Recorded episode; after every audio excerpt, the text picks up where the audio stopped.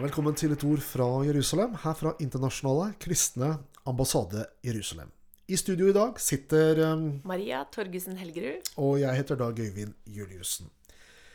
Nå er vi jo midt inne i en sterk og intens konflikt i uh, Israel, hvor uh, Hamas har skutt fra mandag til onsdag, altså i løpet av to dager, 1050 raketter mot Israel. 200 av dem har landet i Gaza og også forårsaket skade der. Um, vi har også sett at i Jerusalem så er det opptøyer knyttet til Tempelplassen og ulike steder i eh, byen. Det har vært steinkasting, det har vært lynsjing av jøder, det har vært eh, en eskalerende eh, konflikt som vi har vært vitne til. Ja, jeg lurer litt på dette nabolaget i Øst-Jerusalem som heter Sheikh Jarrah. Ja. ja. Det er jo et arabisk eh, nabolag, og det, mm, ja, det, har fått mye oppmerksomhet. Eh, kan ikke du fortelle litt om hva som egentlig skjer der? Fordi det er noen påstander som mener at eh, Israel kaster ut de palestinske beboerne der for at israelere skal flytte inn.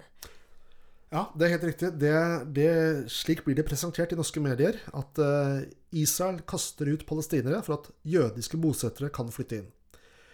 Slik er det ikke. Eh, dette nabolaget, som kalles for Sheikh Yara, eller på hebraisk Shimon Hat Sadik, er et område som eh, i, på 1800-tallet ble bebodd av jemenittiske jøder. Eh, kvartalet, eller området, ble kjøpt opp av jøder i 1875. Og det bodde jøder der i mange år, helt fram til krigen i 1948, da Israel ble opprettet. Da ble de fordrevet, jødene ble fordrevet av Jordan, som okkuperte Øst-Jerusalem og hele Vestbredden. I seksdagerskrigen i 1967 så kom jo Øst-Jerusalem og Vestbredden, eller det som heter Judea og Samaria, tilbake på Israels hender. Og noen få år senere da så var det en jødisk organisasjon som eh, hevdet eiendomsretten til dette, dette kvartalet, dette, dette, nabolaget, får vi kalle det. For det er ikke noe stort område i det hele tatt. Så er det sånn at eh, siden da så har det bodd arabere i disse leilighetene, og de nekter å betale husleie til de jødiske eierne. Eh, det har ført til at eh, de som eier Eh, disse boligene, de, de, jødiske, de, jødiske, eierne, har krevd at politiet må kaste ut leietagerne som ikke gjør opp for seg.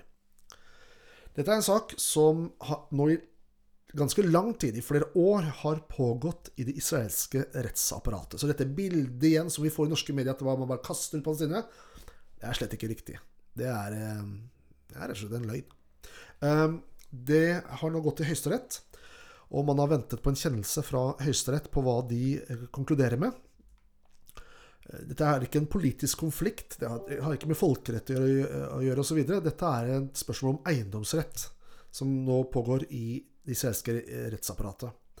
Eh, israelsk høyesterett har bestemt seg for å utsette en kjennelse i saken pga. at det er så intenst og anspent i, i, i Jerusalem og i situasjonen som, som sådan. Så det er bakteppet for det som framstilles i norske medier og internasjonalt, at her skal Israel kaste ut palestinere til fordel for jøder. Og så er det snakk om husleie. Ja, det koker faktisk ned til det. Og jeg tenker på Israel og deres rettssystem. Eh, det kan vel på mange måter sammenlignes med Norges rettssystem, eller hvordan er egentlig det? Ja, det er et, Israel er en rettsstat. Eh, og vi finner jødiske dommere, og vi finner arabiske dommere. Når Israels president Herman eh, Katsav for noen år siden ble dømt til fengsel, så ble han eh, dømt av tre dommere. Og en av dem var en arabisk dommer. Eh, og, og, det pågår saker i det retts, eh, israelske rettsvesenet hele tiden, hvor både jøder har, eh, står bak klager og, og, og, og, så videre, og arabere. Mm. Så Israel er en rettsstat. Veldig annerledes enn resten av Midtøsten. Mm. mm. Vi skal snakke mer sammen, eh, men tida går her, og nå skal du få høre litt musikk.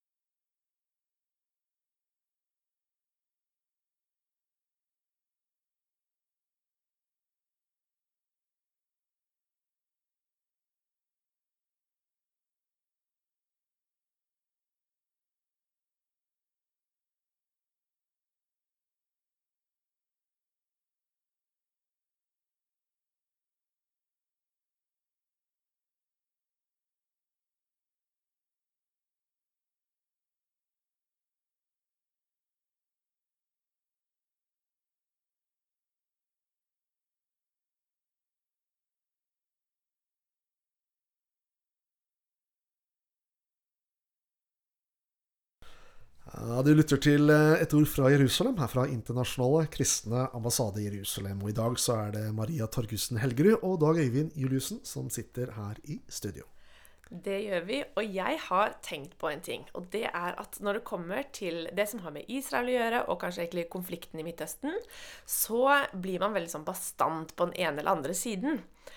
Og jeg har lyst til å oppfordre i dag til å våge å lytte til flere kilder for å se et større bilde av saken.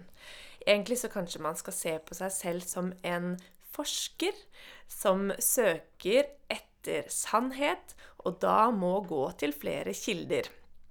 Så da, Dag Øyvind, du leser flere kilder, det vet jeg. Eh, jeg lurte på om du kanskje kunne male et litt sånn større bilde av det som egentlig skjer nå om dagen da i Israel. Eh, hvorfor, bakgrunnen og litt sånt.